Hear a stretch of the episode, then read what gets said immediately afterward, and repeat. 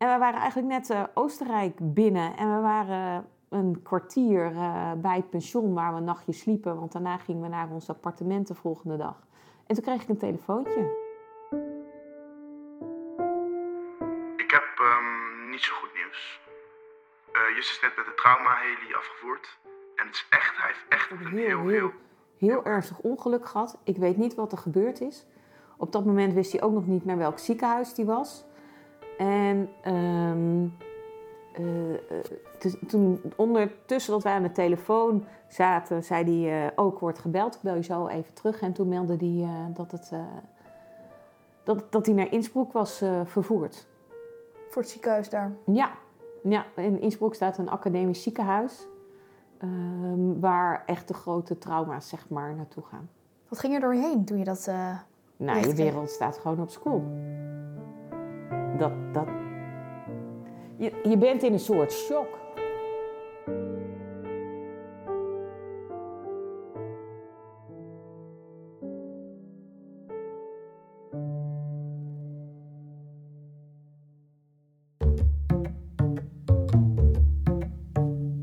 Midden in het hart van de Haagse binnenstad komt een wereld samen. Het is een fascinerende wereld, doordrenkt met verhalen. Daar waar iedere seconde telt. Eh, Je kijkt ernaar, maar je, je, je- ik denk dat het is omdat je eigenlijk niet kan voorstellen dat dit gewoon gebeurt. Dat dit iedereen zou kunnen overkomen. Dat vind ik heel bizar. Dat is, dat is echt oprecht heel indrukwekkend. De spoedeisende hulp van het Haaglanden Medisch Centrum is een van de grootste en modernste in Nederland. Hier staat dag en nacht een traumateam klaar om de meest zwaar gewonde patiënten op te vangen. 24 uur per dag, 7 dagen per week. Als mensen eh, overlijden waar je bij bent, dat vind ik altijd wel heftig. In het wit gekleed is voor mij lang een onbereikbare droom geweest. Toen ik als 17-jarige topsporter de diagnose reuma kreeg, zag mijn leven er ineens heel anders uit. Nooit eerder dacht ik aan het functioneren van het menselijk lichaam. Dat is een vanzelfsprekendheid, toch? Er ontstond een fascinatie voor mensen in de witte jassen. Zij die jou en mij op ons meest kwetsbare moment van antwoorden moeten voorzien. Ons moeten redden. Want wat als zij dat niet doen? Wie doet dat dan wel? Ik zeg altijd, leven gaat nooit makkelijk zijn, maar het wordt me nou wel heel moeilijk gemaakt af en toe. Ik ben Rosalyn van der Dussen, radiomaker en podcasthost. In deze serie dompel ik mezelf volledig onder in het leven van specialisten in het traumacentrum. Ik loop zij aan zij met traumachirurg Alexander, spoedeisende hulp medisch hulpverlener Ellen, ga een ritje mee met de ambulance en spreek met patiënten. Ik stel alle vragen die ik altijd al heb willen stellen. Je luistert naar Zorg met Liefde en Lef, een podcast over het HMC Traumacentrum. Het is vrijdagmiddag. De werkweek zit erop, de voorjaarsvakantie staat voor de deur en je maatje vraagt of je zin hebt om een rondje te skiën. Gewoon, voor de leuk. Tuurlijk zeg je ja. Let's go. Maar dan gebeurt er iets waar je geen rekening mee hebt gehouden.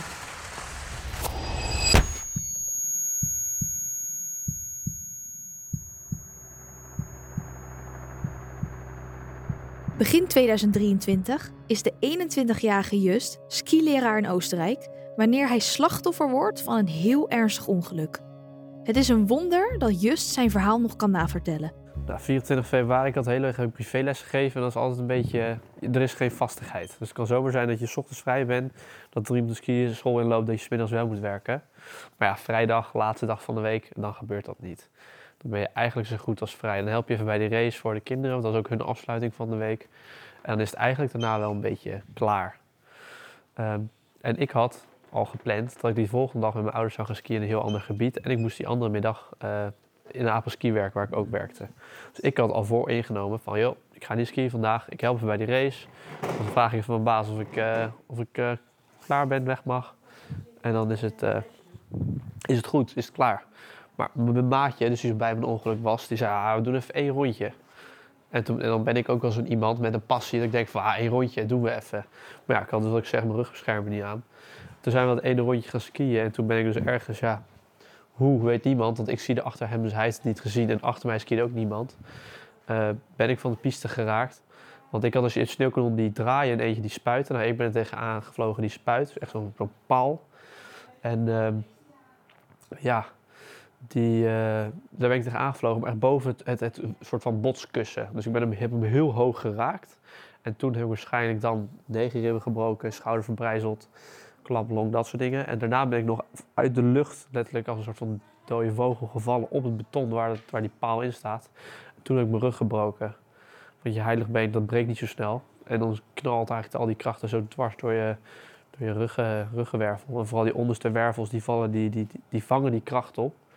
Ja, en toen hebben ze, ze gewoon letterlijk gebroken en waarvan eentje zijn we verbrijzeld. Eh, want tijdens mijn ongeluk ben ik dus heel veel bloed verloren en één long deed het niet. Dus de mensen op de piste en zelfs de, de mensen in de helikopter dachten eerst dat ik het, het ziekenhuis niet zou halen, dat ik een hartstilstand zou hebben. Is niet gebeurd overigens.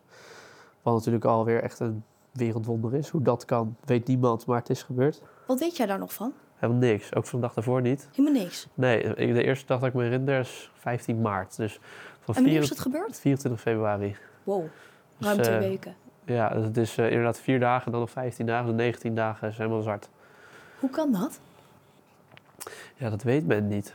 Aan de ene kant denken ze van dat is, eh, dat is gewoon door, door de kunstmatige coma. Aan de andere kant denken ze dat mijn hoofd mij beschermt tegen het trauma die dat is. En men dus heeft ook gezegd van ja, misschien als je weer op de plek van het ongeluk komt, wat dus kan gebeuren dit jaar, dat je dan opeens de flashbacks wel krijgt. Want ik weet dus helemaal niks meer.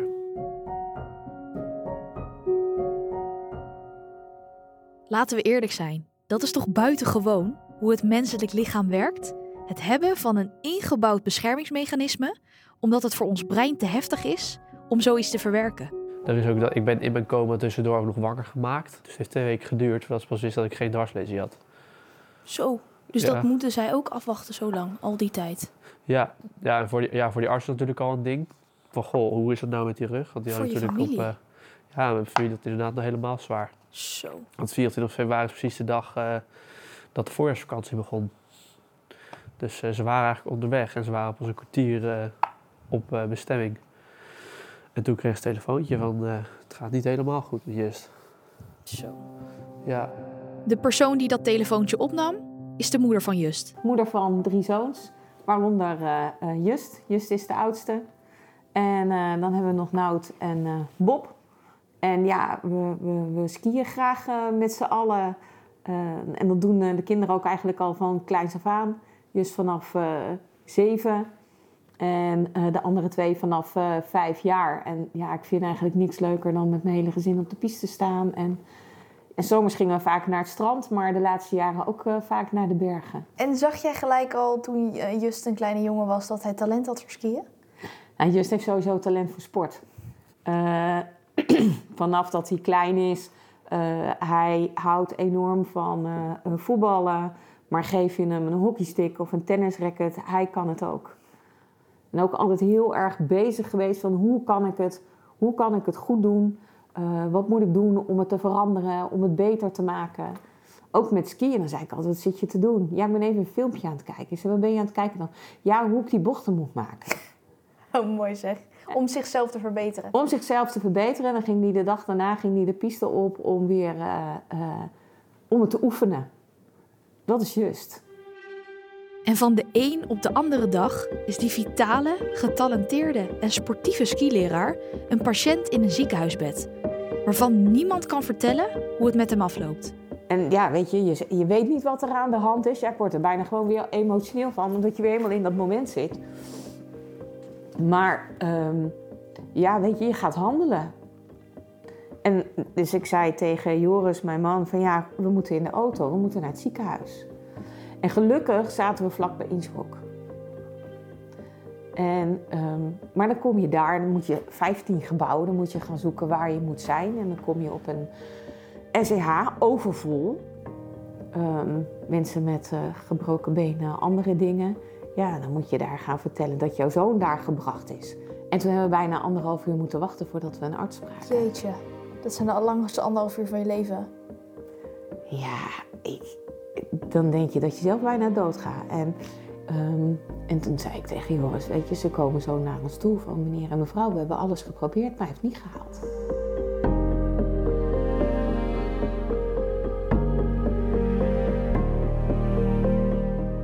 Probeer je eens in te beelden hoe deze machteloosheid voor de ouders van Just heeft gevoeld. En naast de machteloosheid, de onwetendheid. Het wachten lijkt eeuwen te duren. En toen uiteindelijk, s'nachts denk ik om 1 uur, half twee, wisten we dat hij weer eh, nou ja, redelijk stabiel, voor zover ze over, konden overzien, op de IC lag. En toen mochten we de volgende dag, alleen op het bezoekuur, mochten we naar hem toe. Volgende dag, bezoekuur. Allereerste keer dat je je kind in die staat zo ziet. Ja, Hoe ga je daarheen? en je weet niet wat je aantreft. Je weet het niet. En ik ben best thuis in de ziekenhuiswereld, maar het is toch nog echt wel heel anders om je eigen kind eh, aan de beademing eh, te zien. En mochten er, normaal mochten er twee mensen, je moet, komt, wordt eerst, je wordt opgevangen, dus dat doen ze allemaal wel goed. En dan, word je dan wordt er wat verteld, dan word je daarheen begeleid. Er zijn ook artsen en verpleegkundigen. En mochten we met z'n drieën, en dat was heel mooi dat Bob gelijk met ons mee mocht, want die konden we ook niet alleen daar laten zitten, dat snapten ze ook wel. Ja, en dan ligt hij daar. Hoe, hoe trof jij hem aan toen je binnenstapte? Nou, eh, aan de beademing, natuurlijk in, in slaap gebracht. Ehm, eh, hij, hij zag ook, ja, dan ziet iemand er ook een beetje een soort doorzichtig, gekke kleur heeft hij dan. Ehm, ja, ligt daar stil. Een soort lappen pop, om het zo maar te zeggen, met alle apparaten eromheen. En dat is dan je kind. We wisten niet of, die, of het in zijn hoofd goed ging. We wisten niet, eh, ook met zijn bloeddruk, we wisten niet of hij een eh, dwarslesie had. Ehm, dat wisten we allemaal niet. Jeetje. Nee. Hoe ga je ermee om met al die twijfels? Al die onzekerheden? Ja, je, je, ondergaat het. Ja, dat, dat klinkt heel gek, maar je kan op dat moment eigenlijk niks doen dan vertrouwen op de medici eh, dat zij op dat moment de juiste dingen doen. En, en je hoopt dat je kind gewoon sterk en krachtig genoeg is dat hij er doorheen komt. Had je er vertrouwen in? Ben er langzamerhand meer vertrouwen in gaan krijgen, maar op dat moment, ja. Ik, ik- nou, het, je leeft eigenlijk, nou ja, ik wou zeggen, bijna bij het uur. En denk je, je slaapt ook niet, want je denkt, ja, zo meteen belt het ziekenhuis, het is klaar. Dacht je echt dat hij zou gaan overlijden daar? Die kans was wel aanwezig en ook nog in een later stadium. Ja, Ja, wat doe je dan? Of beter gezegd, wat kun je doen? Vertrouwen hebben in de medische wereld en het ondergaan. Maar ja, ga daar maar eens aan staan. Just weet zelf niets meer van het ongeluk. Pas na 2,5 week merkt hij op dat zijn lichaam anders voelt dan normaal. Laten we teruggaan naar het feit dat jij... Was 15 maart. Toen wist Ja. jij pas... Oké, er is iets hier niet helemaal goed. Wel een aardige rust. Maar je wist ook ergens... Klopt niet helemaal. Neem mij eens mee dat dat eerste moment. Wat was het moment je dacht van... Oh, ik kan dit of dit niet bewegen. Of dit of dit werkt niet voorheen. Of, ja, dat is, heel, dat? dat is heel gek. Want mijn schouder die zat al vast in de sling. Die heb ik twee maanden gehad. Omdat dus mijn schouderkom was gebroken. Dus er zitten twee pinnen en een ijzerdraad in mijn... Ja, ik geloof schouderkom. Ik weet niet precies waar het zit. Maar het zit ergens in mijn schouder. Ergens in die schouder. Ja. Ik heb zelfs de foto's gezien, maar alsnog kan ik er niet heel veel uit opmaken zelf. En ehm, dus die, ja, die kan je niet bewegen. Ik had heel veel pijn aan mijn linkerzij van, eh, van die alvleesklier die pijn deed. En, eh, ja, en mijn benen die bewogen sowieso niet, want ik was al mijn kracht verloren. En, eh, en toen daarna ook nog erachter gekomen, dat, want ik ben nog wel verlamd in mijn rechtervoet. Vooral de buitenkant. Ja. Dus ehm, ja, daar kom je pas achter in het ziekenhuisbed ligt. Dat is heel gek om dat te zien. Dat ik je PCT niet meer kan bewegen. Dat is heel gek. Je denkt van, oh, ik probeer ze toch echt te bewegen, maar hij doet het toch echt niet. Hoe is dat emotioneel? Ja, pittig. Niet zozeer dat ik dan gelijk, eh, zodra ik dat zie, dat ik dan uitbreek in te huilen. Maar dat je denkt van, oh, dit, eh, het is heel onzeker, laat ik dat zeggen. Je weet niet wat gaat er komen, wat gaat dit betekenen voor mijn verdere leven. Weet je, ga ik normaal kunnen lopen? Moet ik altijd met een kruk, met een brace, moet ik speciale zooljes, weet jij veel. Dus dat is heel lastig. Voor mij was het in dat, dat opzicht ook meer overwinningen behalen. Bijvoorbeeld dat de neurochirurg daar al zei van, nou, de kans dat het terugkomt is vrij groot aangezien er andere delen van je voet het wel doen. En dat hebben ze hier in het HMC eigenlijk nog een keer bevestigd. Alleen ze weten gewoon niet wanneer. En Dus dat zou gewoon nog steeds kunnen gebeuren. ja. ja, in principe ze hebben het met elektriciteit van, van vanaf mijn heup tot aan mijn tenen alles doorgemeten. En er is reactie. Dus het is niet door. Maar wanneer ik weer zelf mijn tenen omhoog kan gaan bewegen, en vooral mijn buitenste vier, want mijn grootste teen kan al een heel klein beetje, dat weet niemand. Heb je wel eens gehad dat je denkt van, oh my god, hoe, hoe, hoe moet dit? Heb je angst gevoeld? Ja, angst niet zo, maar wel inderdaad van hoe moet dit, hoe gaat alles zijn, wat kan ik straks nog wel. Er was heel veel onduidelijk. Er was heel veel onduidelijk over hoe lang het allemaal ging duren. Vooral heel veel onzekerheid. En ook omdat ik ben natuurlijk wel echt gelijk... Het is niet van, oh je hebt je rug gebroken of oh je hebt je knie. Nee, ik heb mijn malvliesklier, ik heb mijn schouder, ik heb mijn knie, mijn rug twee keer aan geopereerd. Het zijn gewoon best wel eh, allemaal op zich al hele grote dingen. En ik heb het, pakketje zeg maar daarvan. Dat is gewoon enorm lastig. Voor je rug naar de neuroloog, voor je schouder naar de orthopeed, naar de fysio voor je oefeningen en tussendoor nog ergens naar de psycholoog. En dat dan allemaal op andere plekken. Dat kan efficiënter, vindt het HMC Westeinde. Patiënten met ernstig en divers letsel kunnen hier terecht op de multitraumapoli, waar de kennis van verschillende specialisten gebundeld wordt. Traumachirurg Jochem vertelt hoe dat in zijn werk gaat. Nou, ehm, er komen per jaar natuurlijk heel veel mensen naar de spoedeisende hulp. Ehm, een deel daarvan is zwaar gewond. eh, en dat zijn, ze hebben vaak letsels die, eh, waar ze verschillende dokters voor nodig hebben. Ja, dat is niet heel logisch. Want zoals het vaak wel gaat, dat ze dan de ene week bij de neuroloog komen... en de andere week bij een psycholoog... en dan weer een derde keer bij de eh, traumachirurg. Dus we hebben bedacht dat te bundelen. Dus dan is er, staat de patiënt echt centraal. Dat moet natuurlijk sowieso, maar dat is in de praktijk vaak weer barstiger. Maar dan ziet die ene patiënt ziet dan een aantal dokters tegelijkertijd. Dus dat is de fysiotherapeut, en de revalidatiearts, en de neuroloog en de traumachirurg. Ehm, ja, die, die, die bekijken dan samen de patiënt, vragen hoe het gaat en maken natuurlijk een plan voor de revalidatie eh, die, de komende periode. Zo'n patiënt komt binnen op de spoedeisende hulp, meestal. Eh, hoe gaat dat proces van spoedeisende hulp tot uitstroom? Ja, dus het hangt heel erg van de ernst van het letsel af. Er komen per jaar 650.000 mensen naar de eerste hulp met een letsel. Dat is natuurlijk ontzettend veel. Eh 75.000 daarvan worden opgenomen. En dat zijn de mensen met een ernstige letsel. Dat kan een gebroken enkel of een gebroken heup zijn, maar ook meervoudig gewond.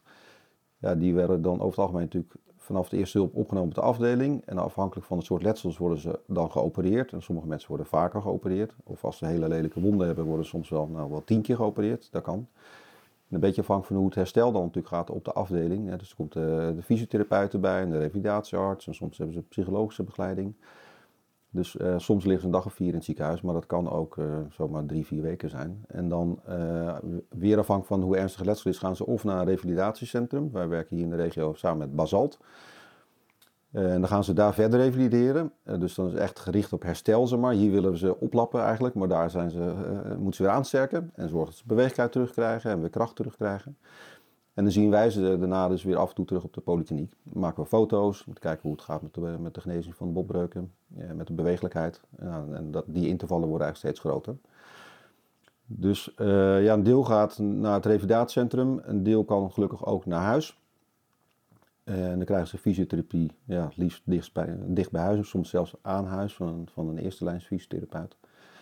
En dan doen wij de begeleiding op afstand. Maar dat betekent niet dat als je uit het ziekenhuis komt, het leven weer verder gaat waar het gestopt is. Sterker nog, buiten de ziekenhuisdeuren begint het pas. En zo'n revalidatiekliniek kan best wel tegenvallen. Ik denk alleen mijn zwaarste periode denk ik wel toen ik hier wegging uit het ziekenhuis. Wanneer was dat? 5 april, dat is precies acht maanden geleden. Als ik het goed zeg. Ja. En ehm, ja, toen dan kom je in Basalt en dan heb je opeens een eigen kamer en alles is wat relaxter. En het is allemaal iets minder die, die, dat ziekenhuisvibe. Het is net wat warmer, net wat, ja, zeg dat, huiselijker. En, eh, maar ja, dan komen ook de andere dingen, want daar moet je meer zelf gaan doen. En daar gaan ze je, hi- hier zijn ze voor je omdat jij hulp nodig hebt. En daar zijn ze voor je omdat jij ook wel hulp nodig hebt. Maar ze gaan jou pushen om beter te worden. Ze gaan jou pushen om dingen zelf te gaan doen. Ze gaan je proberen zelf te laten douchen. Ze gaan je proberen zelf dingen te laten pakken, te laten lopen. eh, zelf je schema van het eten. Je krijgt, eh, je krijgt sowieso een schema die je moet doen. Want Wat voor schema? voor wat je moet gaan doen op een dag. Dus eh, naar de fysio, ja, dagschema, Oh. naar de fysio, sporten, zwemmen, eh, psychologie, diëtetiek, eh, noem het allemaal op. Ja, en hier gaat het anders, want hier komen ze naar jou toe. Hier komt Jeroen elke ochtend langs en zegt, joh, tien uur moet je of daar zijn, of om tien uur word je opgehaald, of dat. En dan is het gewoon, oké, tien uur, hey, got it. En daar hoef je helemaal niks voor te doen, want je, je wordt zelfs door het personeel voorbereid. Dus eigenlijk moet je daar meer zelf doen. Het je lijkt moet meer heel op veel zelf doen. En dat, en dat viel mentaal wel heel zwaar. Waarom dan? Ja, omdat je dan pas erachter komt dat je allemaal niet kan. Het revalidatieproces valt Just zwaar. En alsof de fysieke klachten nog niet voldoende zijn, krijgt Just te maken met een eetstoornis. Hij vermijdt voeding, terwijl hij deze zo hard nodig heeft voor zijn herstel. Ik kon wel eten en dat was niet dat ik dacht van, oh, ik word dik, maar ik had heel veel pijn. En ik ging op een gegeven moment de pijn eh, associëren met eten. Ja, ik was, ik was op een gegeven moment al, ik woog 59 kilo, terwijl mijn benen helemaal op het gips zat. Maar ik ben wel 1,86. Zo. Dus ja, dat was, eh, dat was pittig. Maar, eh, maar toen zat ik daar en toen had ik alleen... Het enige wat ik had was één beschuit met chocopasta. En die kreeg ik nog ineens voor de helft op. Nou, en toen ben ik daar beneden in het, in het huilen uitgebarsten. Toen was, dat was echt het moment dat ik dacht van dit, dit gaat fout. Op, op deze manier ga, ga ik het niet overleven. Want dan wordt, dan wordt het misschien het ongeluk zelf niet meer dood, maar dan wel de gevolgen ervan. Just zet de knop om. Samen met de specialisten in basalt stelt hij concrete doelen op. Dit helpt hem om er recht naartoe te werken. Je, je krijgt ook doelen in Basalt. Dan gaan ze zeggen van wat wil je nou echt kunnen voordat je weggaat. Nou, ik had zeggen stukken wandelen met kruk of zonder kruk, dat maakt me niet uit. Want ik wist helemaal niet wat ik mijn knie ging doen. Die moest natuurlijk nog geopereerd eh, worden toen ik in Basalt kwam. Want hoe kwam jij basalt binnen? Kon jij wel al lopen? Nee, nou, ja, heel klein beetje. Ik had wel een brace, want eh, mijn knie moest gefixeerd zijn. Want anders dan zakte ik door mijn, eh, door mijn hoeven omdat mijn knie niet stabiel was. Ehm, maar ik heb één keer mijn zalt gelopen zonder krukken, een stukje. En, voor wat- de rest eh, En jouw doelen waren eh, lopen. lopen, met of zonder krukken, maakt even niet uit. Eh traplopen en ik wilde mijn schoenen zelf aan kunnen trekken. Maar dat lukte nog niet toen ik wegging. Dat heeft heel lang geduurd. Maar eh, dat waren mijn drie grote doelen. Was dat toen, zij, toen jij in Oostenrijk in het ziekenhuis kwam, helemaal begin 15 maart, eh, dat zij tegen jou zeiden dat je wel weer kon gaan lopen? Ja, daar krijg je geen duidelijkheid over. Nee. Dat weten zij ook niet. Acht maanden na het ongeluk loopt Just weer. Dat is snel als je je bedenkt dat het niet zeker was of hij überhaupt nog kon lopen en er gemiddeld twee jaar hersteltijd staat voor een multitrauma-ongeluk. Jeroen is fysio op de traumaafdeling van HMC Westeinde. Hij is een van de eerste geweest die Just opving vanuit het ziekenhuis in Oostenrijk. Eh, ik werk sinds ehm, iets minder dan twee jaar op de, op de traumaafdeling.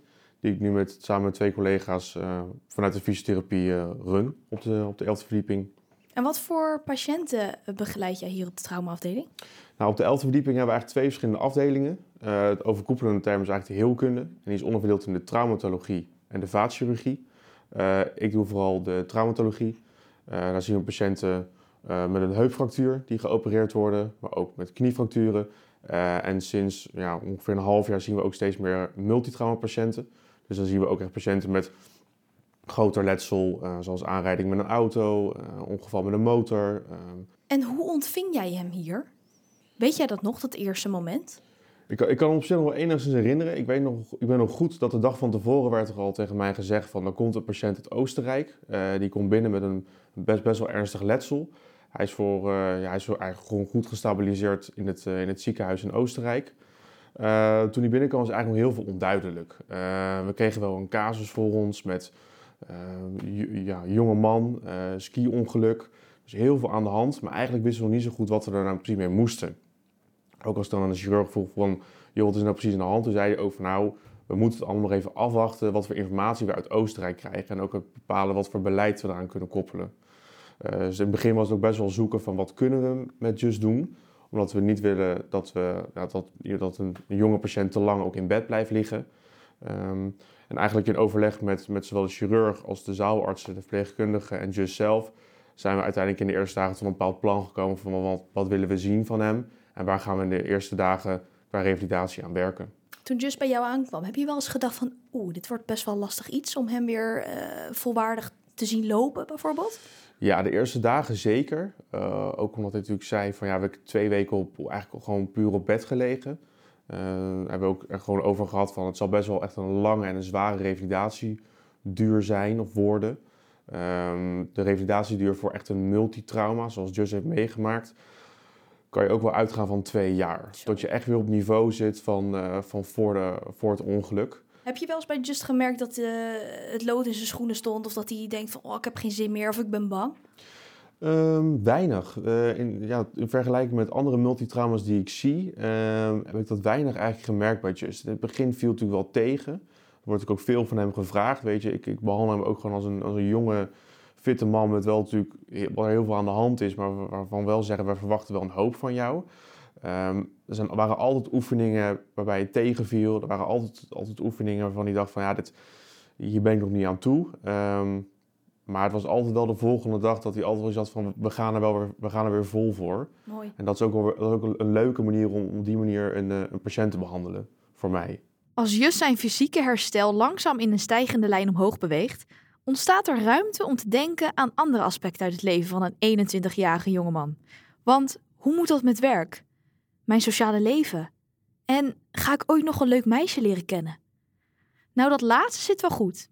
Just vertelt me dat hij na zijn ongeluk en tijdens zijn revalidatieproces zijn vriendin heeft ontmoet. In de minste periode van zijn leven zocht zij contact. En Just vindt dat nog maar moeilijk om te geloven. Ja, dat ook. Hè. Dat is echt door mij toe bewogen. En dat ik eigenlijk helemaal niet door had. Zo worden wij er deel van, maar dat ik helemaal niet door had hoe bijzonder zo was. Totdat, uh, ja, ik echt leerde kennen, zeg maar. En ja, ben ik gewoon vet gelukkig met haar. Ja.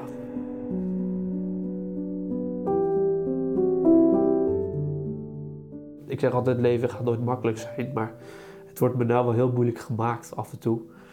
En uh, ja, dat zij er toch inderdaad volledig achter staat en ook daarin helemaal support. En altijd vraagt van, joh, hoe gaat het met je? En hoe voel je je? Ook gewoon, op, gewoon altijd. Gewoon, dan krijg je een appje om drie uur spinel, stel helemaal geen gesprek hebben. En dan is het gewoon van, joh, hoe gaat het met je?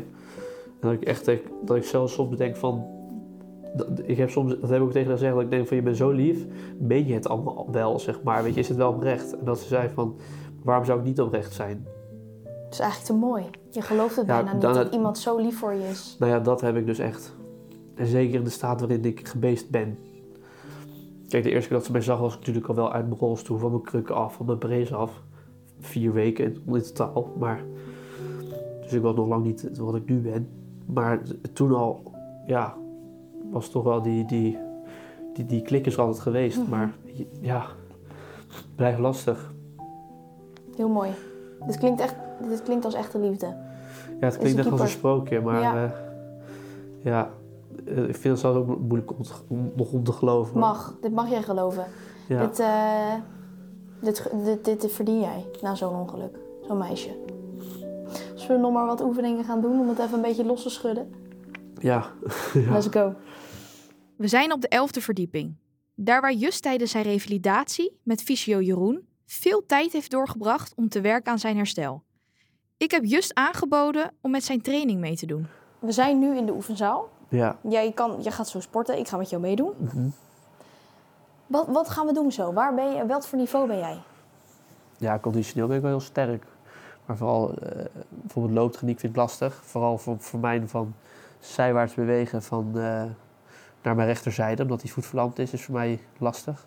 Ik moet mijn voet dan echt op een bepaalde manier optillen dat hij weer plat neerkomt. Hoe, zie, uh, hoe is dat voor je als, als je ziet dat ik, een beetje leeftijdsgenoot, we schelen drie jaar, dat wel gewoon heel easy kan doen? Ja, dat doet me eigenlijk niet zoveel. Voor mij is het namelijk nu al zo dat ik echt ben van... Ik ben anders. Ja, dat klinkt stom, maar ik, ik ga nooit meer hetzelfde leven kunnen leiden als wat mijn leeftijdsgenoten doen. Ik zeg, ik zeg altijd, het lijkt alsof ik een wedstrijd speel waar ik altijd 1-0 achter sta. Maakt niet uit wat we gaan doen. Ik sta altijd achter. Mijn knie, mijn rug, mijn schouder. Dan heb ik mijn alvleesklier die is meegeteld. Die gaan het allemaal heel lastig voor me maken. Maakt niet uit wat we gaan doen. Want in een van die sporten zijn wel een van de drie heel belangrijk ook contactsporten, dat, dat, dat, dat gaat gewoon uh, niet. Jeroen zei het al een beetje, maar ja, het is natuurlijk belachelijk als je nu rugby gaat spelen. Kijk, dat is echt dom. Kijk, ski is in principe geen contactsport. Kijk, het mij wel verteld van je moet rustig aan doen en niet zo vallen als dat jij uh, hebt gedaan, want anders is het echt klaar. Maar echt klaar, klaar? Ja, dan is de kans zo groot dat je niet meer gaat kunnen lopen. Dat uh, die is bijna onvermijdelijk. Dat, dat staat gewoon garant aan, aan het dwarslezen eigenlijk. Maar je wil wel weer gaan skiën? Ja. Waarom? ja, passie. Maar zelfs met het risico dat het misschien wel echt klaar kan zijn. Ja, het risico is er wel, ja. De liefde voor skiën is voor Just zo groot dat het wint van de mogelijke risico's.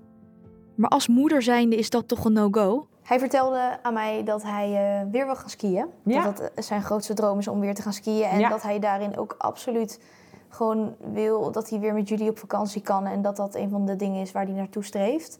Eh, hij is nu op dit moment zijn spullen aan het pakken om maandag dus te vertrekken, hoorde ik Ja. jou net zeggen. Ja. Hoe vind jij dat, dat hij teruggaat?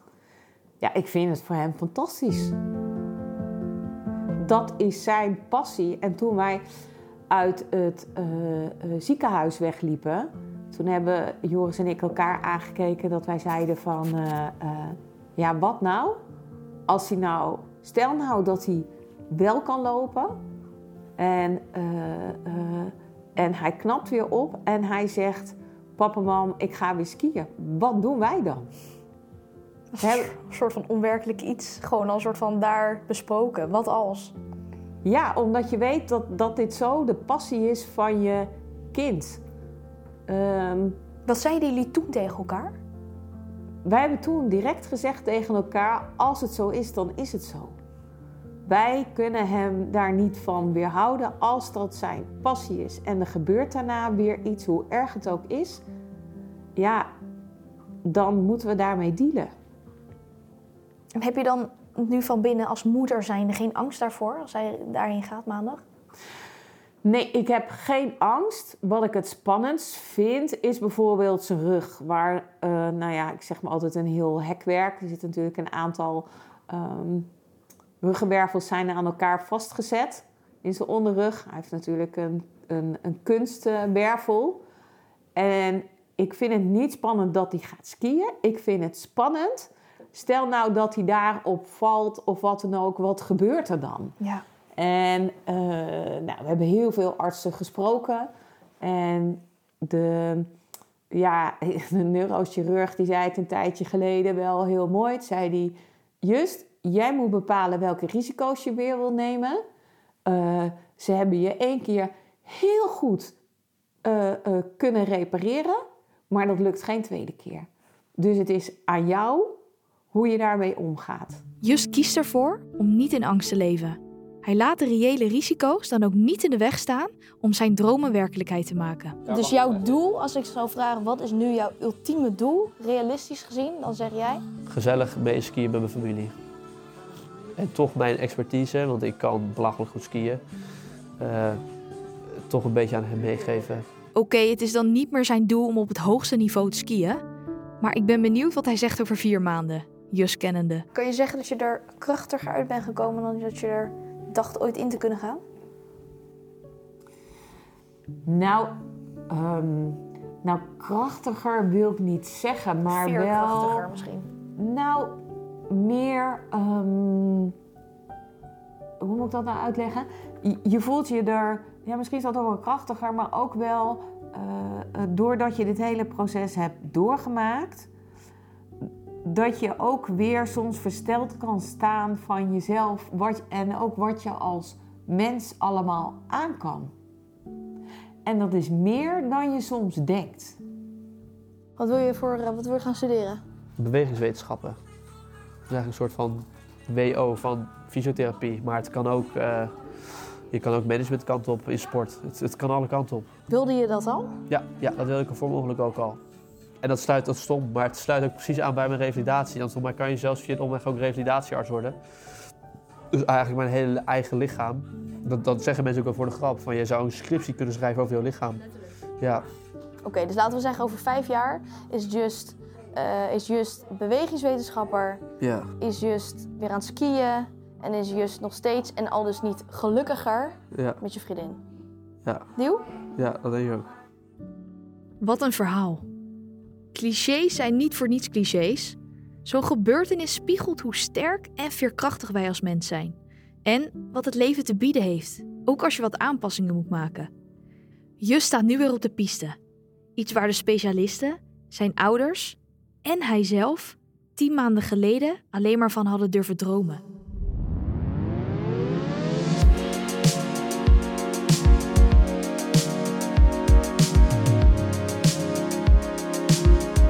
Bedankt voor het luisteren naar deze podcast. En heb je de vorige twee al geluisterd? Zo niet? Doe dat. Ga je geen spijt van krijgen. Dit is een podcast van Haaglanden Medisch Centrum. Ik, Rosalien van der Dussen, deed de interviews, de voice-over en productie. De montage en sounddesign is mogelijk gemaakt door Venno Bavelaar van Fanfilms. Bij deze dank ik alle artsen, verpleegkundigen en medewerkers van HMC voor hun openheid en de mogelijkheid om deze bijzondere zorg van dichtbij te ervaren.